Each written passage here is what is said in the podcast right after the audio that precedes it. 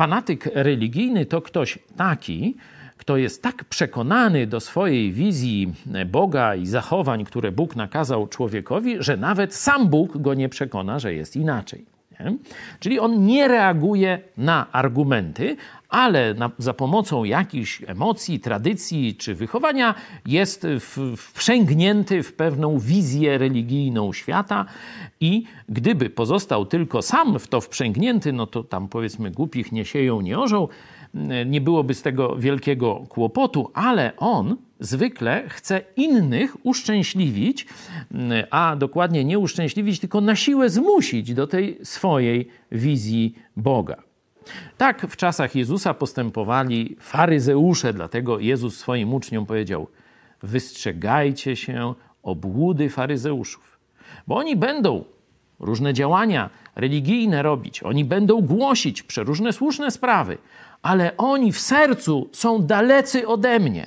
Nie mają ze mną nic wspólnego. I później apostoł Paweł w liście do Rzymian pokazuje tego skutki.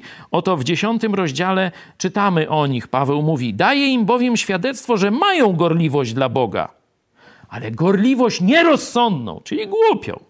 Bo nie znając usprawiedliwienia, które pochodzi od Boga, a własne usiłując ustanowić, czyli oni mają swoją religię, a nie Bożą, nie podporządkowali się usprawiedliwieniu Bożemu. Nie przyjęli od Niego daru zbawienia. Czyli jeśli chodzi o odległość od Boga, oni są dalej niż ci, którzy szukają, bo twierdzą, że wiedzą, jak jest, tylko to nie jest tak, jak Bóg powiedział, że jest. A na początku listu, w drugim rozdziale, mówi o tym społecznym aspekcie, że oni głoszą rzeczy słuszne, ale absolutnie ich nie wykonują. I apostoł Paweł mówi: Albowiem z waszej winy, jak napisano, poganie bluźnią imieniu Bożemu.